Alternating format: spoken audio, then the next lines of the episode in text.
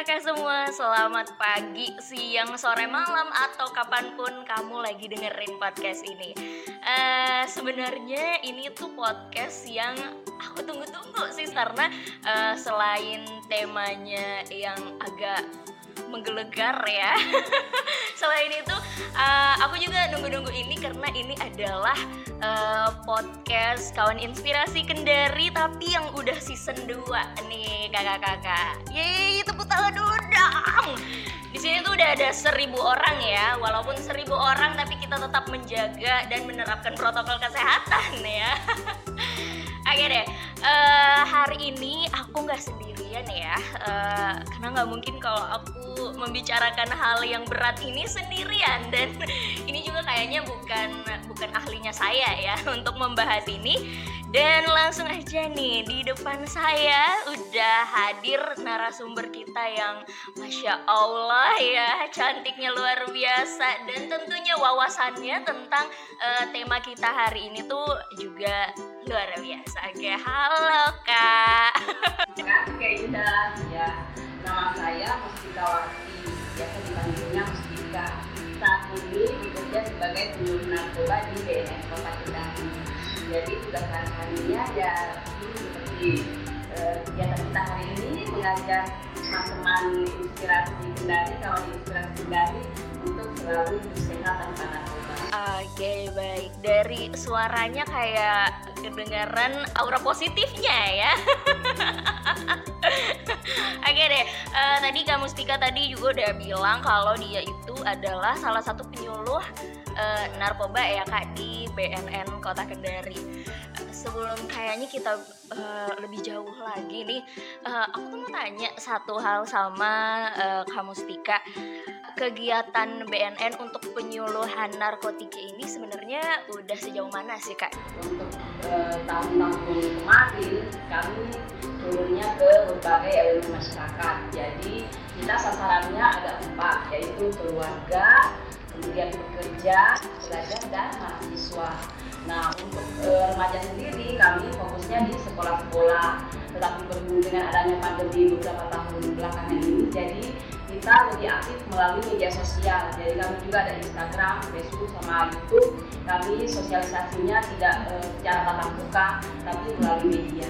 Wow, keren banget ya BNN. Jadi BNN juga ini ya kak mengikuti zaman gitu. Jadi enggak melulu soal um, penyuluhannya tuh ketemu orang gitu, tapi me, ini memanfaatkan sosial media ya kak. Seperti kita nih di, dari divisi sosial media ya kak. Oke deh, uh, aku mau nanya lagi nih kak. Kayaknya saya bertanya terus deh. Oke deh kak. Uh, Sebenarnya kalau dari kacamatanya kamu Stika yang uh, kayaknya sehari-hari bersinggungan dengan hal-hal yang kayak narkotika itu, aku mau tanya nih, apa sih narkoba itu kak? Sebenarnya kayak uh, definisi narkoba itu sebenarnya apa sih? Kalau secara umum, uh, narkoba itu sebenarnya singkatan dari tiga jadi narkotika, psikotropika dan bahan adiktif. Nah kalau untuk narkotikanya seperti yang eh, kawan-kawan sudah lihat di beberapa media itu seperti eh, jenis-jenis ganja, sabu, ekstasi dan lain-lain. Nah kemudian psikotropika juga itu masuk eh, bagian dari narkoba dan bahan adiktif itu kemudian yang sekarang banyak disalahgunakan oleh anak-anak remaja. Nah, jadi kalau pengertian secara umumnya adalah satu bahan yang bisa menurunkan kesadaran, kemudian menghilangkan rasa sakit dan e, bisa e, menyebabkan ketergantungan. Jadi pada dasarnya narkotika itu digunakan e, untuk dunia medis itu untuk kepentingan e, penyakit tertentu ya kak ya? Oh gitu oke. Okay. nah, tetapi yang berkembang saat ini adalah penyalahgunaannya jadi bukan lagi digunakan untuk kepentingan medis oh, tapi okay. sudah digunakan untuk kepentingan yang di luar medis. Bener-bener kak soalnya uh, sekarang tuh kayak lagi hype lagi ya kak. Orang-orang apalagi uh, anak di usia saya ya ya kayaknya kalau putus cinta ada sih ada kak beberapa ya yang putus cinta larinya ke narkoba gitu. Aduh itu bahaya banget ya. Dan uh, kalau uh, menurut kamu Stika tuh apa sih bahaya narkoba bagi anak dan remaja gitu? Kan tadi kamu ketika udah udah kasih tahu ke kita kalau uh, sekarang ini tuh udah nggak dipakai ke medis lagi tapi udah malah keluar medis gitu iya benar. Kalau berbicara tentang narkoba di remaja eh, remaja kalau kita tahu pada masa itu adalah masa-masa transisi. Iya, jadi uh, anaknya cenderung lebih sensitif kemudian masih labil dan dia masih dalam tahap pencarian jati diri. Nah makanya anak remaja menjadi sasaran empuk dari para bandar narkoba karena mereka pada masa itu e, bisa terpengaruh dalam e, masa coba-coba. Jadi pada masa mencoba-coba pakai narkoba, namanya anak-anak remaja kan biasanya masih e, penasaran, penasaran. Misalnya saya ingin tahunya tinggi, kemudian dia mendengar bahwa e, ada jenis saat yang seperti itu yang bisa mengatasi e, keingintahuannya, maka dia cenderung untuk mencoba seperti itu. Oke, iya sih kak kayak kayaknya tuh uh, anak-anak remaja tuh apalagi uh, kalau ketemu sama bandar narkoba terus diiming-imingi ini tuh enak gitu. Dan ini tuh bisa ngilangin rasa cemas kamu iya kan kak? Kayak kebanyakan kayak gitu. Nah uh, kalau ini nih kak aku tuh mau nanya sama kamu Stika lagi nih. Aku tuh pernah uh, lihat uh, satu artikel gitu kak tapi uh, aku lupa aku tuh bacanya di mana tapi ini tuh kayak meme gitu loh yang uh, tersebar di uh, Instagram di sosmed lain juga aku lihat uh, headline beritanya tuh ciri-ciri uh, anak yang uh, pemakai narkoba itu malas mandi dan tidurnya tuh nggak tutup mata itu bener nggak sih kak? Narkoba itu sebenarnya kembali ke e, jenis narkoba apa yang dipakai karena tidak semua narkotika yang dipakai itu kemudian dampaknya sama. Nah kalau e, kita baginya itu menjadi tiga jenis. Ada yang efeknya stimulan dia e, membangkitkan e, semangat gairah dia bekerja maksudnya dia bisa lebih punya energi untuk e, bekerja tetapi dampaknya kemudian akan e, berbeda setelah saat itu uh, dia putuskan maksudnya pada saat tidak memakai. Nah kemudian ada juga yang dampaknya memang uh, depresan jadi lawan dari stimulan tadi ada depresan dia menekan susunan uh, sistem kerja susunan saraf pusat jadi dia itu cenderung lebih tenang kemudian pada akhirnya memang gambarannya seperti malas. Dampaknya mengarah ke situ. Kemudian ada lagi yang halusinasi.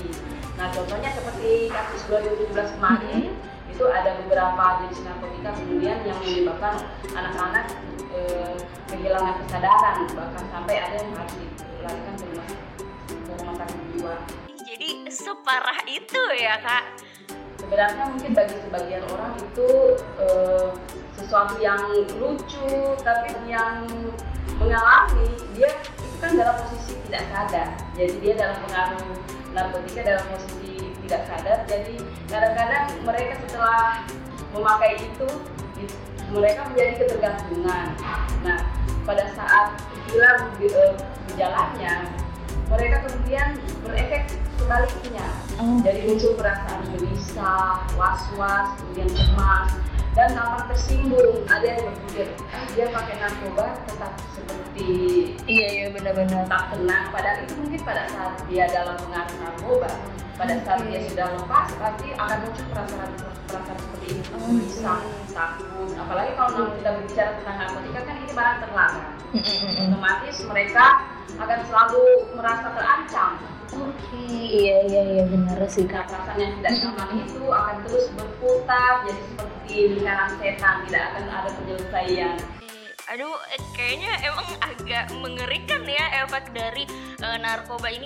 Uh, kan banyak tuh kita lihat di internet kalau ciri-cirinya anak-anak yang narkoba tuh misalnya dia tiba-tiba jadi pendiam gini gitu. Jadi itu bener ya kak? Jadi pada saat mungkin pada saat masih coba-coba dia terlalu kelihatan.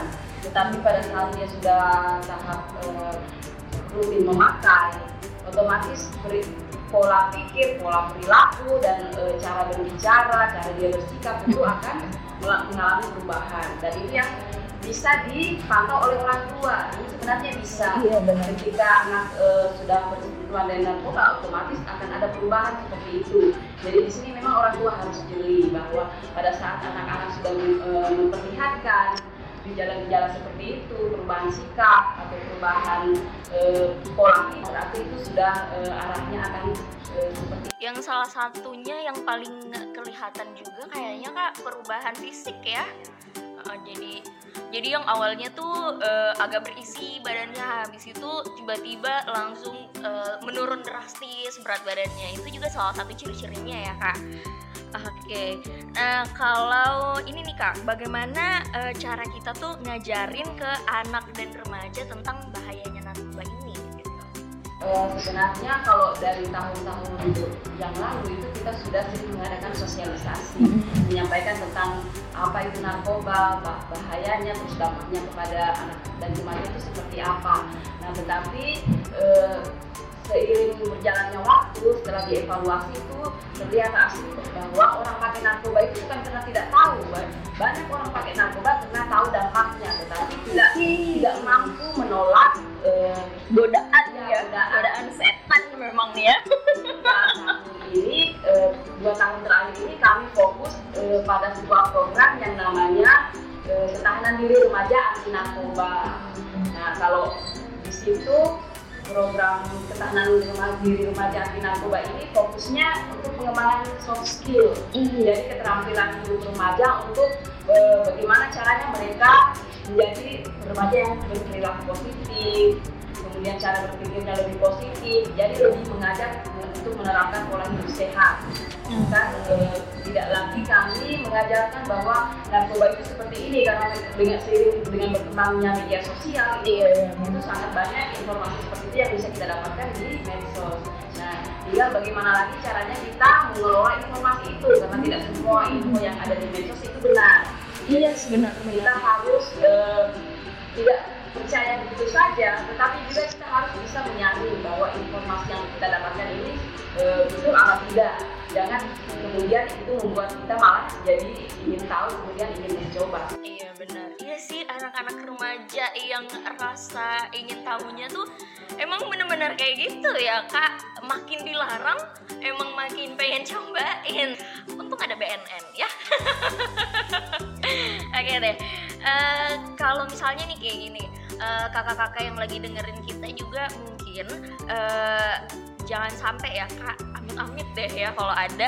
Uh, kalau misalnya ada anak remaja atau uh, anak-anak gitu di uh, anggota keluarga kita atau anggota keluarga kakak-kakak yang lagi dengerin kita nih yang kayaknya ini anak tuh terkena narkoba deh itu uh, kita lakukan itu apa sih kak? Ya, ketika ada kasus kita dapat ada anak atau remaja yang terkait dengan permasalahan narkoba. Nah pada saat itu eh, kita harus cepat mencari upaya bagaimana untuk uh, supaya dia berhenti. Iya. Nah sekarang itu ada namanya program rehabilitasi di BNN Kota Kendari. Nah program ini gratis diperuntukkan bagi semua masyarakat yang secara sadar sukarela melapor diri untuk mendapatkan layanan e, rehabilitasi terapi untuk penyalahgunaan narkoba. Nah, jadi di situ ketika dia e, mengikuti program ini dia akan ditangani oleh dokter kemudian psikolog dan ya konselor jadi tim yang ada di e, rehabilitasi ini mereka nantinya yang akan menentukan e, bagi seberapa berat tingkat ketergantungan anak yang mereka tangani jadi di situ ada kategori sedang ringan dan berat nah untuk dalam kategori sedang dan ringan itu bisa menjalani rawat jalan selama beberapa waktu tertentu yang sudah ditentukan oleh tim perawatannya. Nah kemudian kalau misalnya dia kasusnya eh, tingkat ketergantungannya lebih berat, dia biasanya dirujuk di eh, pusat rehabilitasi yang ada di Makassar atau di Bogor okay. atau di eh, Sukabumi gitu ya kak. Jadi uh, ini nih tadi kamu Srika kan udah bilang kalau ada orang yang secara sadar tuh mau ke BNN buat direhabilitasi. Itu bagus. Tapi ada juga nih orang-orang yang kayaknya nggak kalau masuk rehabilitasi dengan semua stigma-stigma yang ada uh, yang melekat sama orang yang direhabilitasi gitu kak. Nah gimana nih cara uh, buat kita tuh bisa membujuk anak ataupun remaja yang terkena penyalahgunaan narkoba terus biar mau direhabilitasi? Uh, penyalahgunaan narkoba sebenarnya itu kalau kita melihatnya sebagai orang yang sakit yang butuh perawatan, iya. tetapi orang yang sakitnya ini kadang-kadang tidak merasa bahwa dia sakit, jadi dia merasa tidak butuh treatment apa-apa iya. untuk mengembalikan uh, bagi dia ke kebiasaannya yang seperti ah, sedia kala produktivitasnya sebelum memakai narkoba. Nah ini tantangan sebenarnya karena stigma yang beredar juga pada saat mereka datang di BNN mereka itu mau ditangkap padahal iya benar iya. dalam proses rehabilitasi yang menangani itu beda bukan bukan bagian pemberantasan tetapi memang khusus untuk orang-orang yang uh, menangani untuk perawatannya jadi fokus di perawatan. Nah di situ pada saat e, mereka menjalani itu dari mulai proses awal mereka datang kemudian e, mereka menjalani terapi itu semuanya e, dilakukan secara e, rahasia. Artinya data ataupun e, rekam medis di pasien ini tidak akan diekspos keluar. Jadi okay jangan merasa takut kemudian nanti didengar sama iya, bener. Ya, nanti didengar sama tetangga atau didengar sama teman jadi malu. Tidak tidak perlu malu tidak perlu takut karena di situ bukan uh, untuk ditangkap atau dibicarakan tetapi untuk diobati. Hmm. jadi seperti itu. Nah pelayanannya pun gratis jadi sama sekali tidak dipungut biaya. Nah hanya memang stigma yang berbeda seperti itu tadi jadi kebanyakan mereka ketika baru datang di depan kantor itu sudah merasakan ketakutan iya, benar-benar lagi. Nah iya. ini sebenarnya peran penting dan keluarga juga.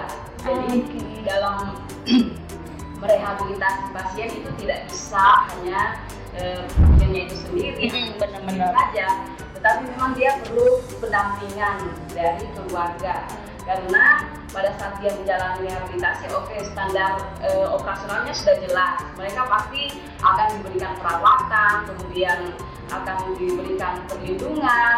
Kemudian yang jadi masalah adalah ketika dia sudah kembali di lingkungan keluarganya. Nah ketika tidak ada dukungan penuh dari pihak keluarga itu kadang-kadang yang membuat mereka kembali menjadi pemakai narkoba dan uh, yang paling aku garis bawahi ini di sini peran orang tua dan orang-orang terdekat itu uh, penting sekali ya kak gitu. Jadi uh, mensupport uh, anak ini biar mau direhabilitasi kalau misalnya dia jadi korban. Kemudian uh, kalaupun selesai dia direhabilitasi harus dikasih uh, pendampingan lagi dari keluarga. Supaya mereka bisa produktif kembali misalnya yes. yang belajar bisa kembali bersekolah kemudian bisa karena memang uh, tugas manusia sebagai pribadi kan dia harus berfungsi secara fisik, mental, kemudian uh, psikis dan spiritual. Nah kalau itu saja sudah terganggu, kalau ketika dia pakai narkoba itu sudah terganggu, otomatis dia akan mempengaruhi uh, semuanya ya Pak. Mempengaruhi semuanya, belum lagi untuk fungsi sosialnya. Nah kalau kita tahu fungsi sosial itu kan dia harus uh, bersekolah, bekerja, kemudian membentuk keluarga dan uh, menjadi bagian dari sebuah masyarakat. Nah itu kalau misalnya dia dalam pengaruh narkoba itu semua tidak akan berfungsi seperti sebagaimana orang-orang yang tidak memakai narkoba. Oke, ih keren banget ya. Bincang-bincang kita tuh daging semua nih hari ini ya. Oke oke. Dan uh, terakhir nih kak, uh, kayaknya udah panjang banget ya. Dan semoga ini tetap mengedukasi kakak-kakak yang dengerin juga. Ya walaupun uh, tidak jadi korban penyalahgunaan narkoba, setidaknya ini uh, edukasi jangka panjang ya kak jadi uh, siapa tahu nanti tiba-tiba di lingkungannya ada yang terdeteksi oh kayaknya ini uh, pengguna deh atau jangan sampai dia adalah pengedar ya. Karena tiba-tiba dari miskin langsung kaya raya ya. Ya kan tiba-tiba biasa begitu soalnya mehong say.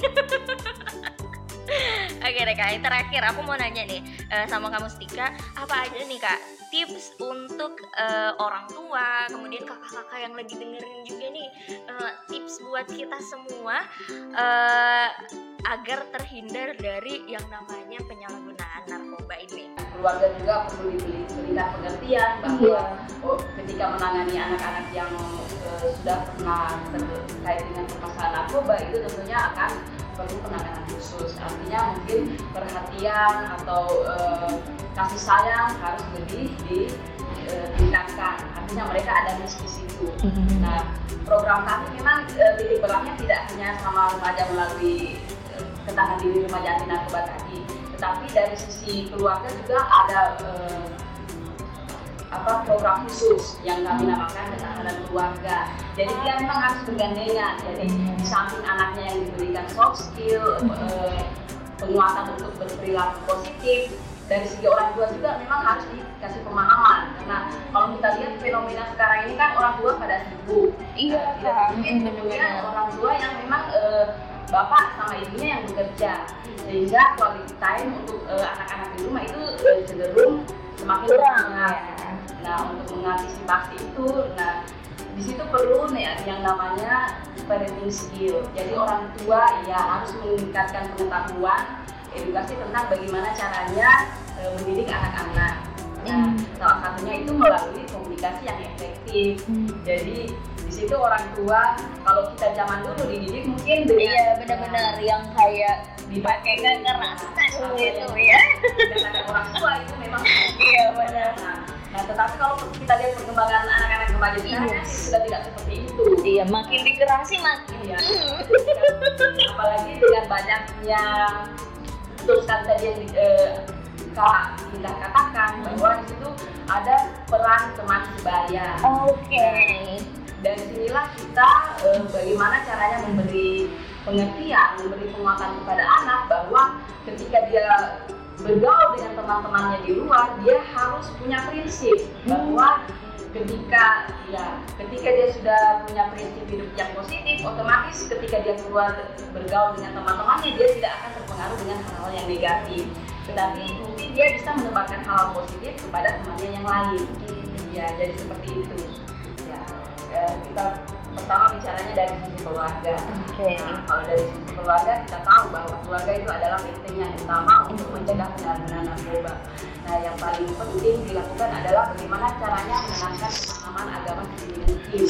Jadi antara orang tua dan anak itu eh, ada sebuah hubungan yang memang berdasarkan eh, syariat agama, berdasarkan aturan agama, memang itu tidak bisa dilanggar, termasuk dalam eh, untuk menyalahgunakan narkoba. Karena itu termasuk perilaku yang negatif, otomatis ketika kita melakukan berarti itu kita mendapatkan dosa. Nah, Iya, dilakukan. Kemudian yang eh, seperti saya katakan tadi ada komunikasi efektif antara orang tua dan anak. Yang paling penting adalah orang tua harus mendengarkan, kemudian memahami dan mengarahkan perilaku anak. Jadi tidak sekedar menjadi orang yang memberikan masukan, tetapi berdiskusi, lebih banyak berdiskusi dengan anak.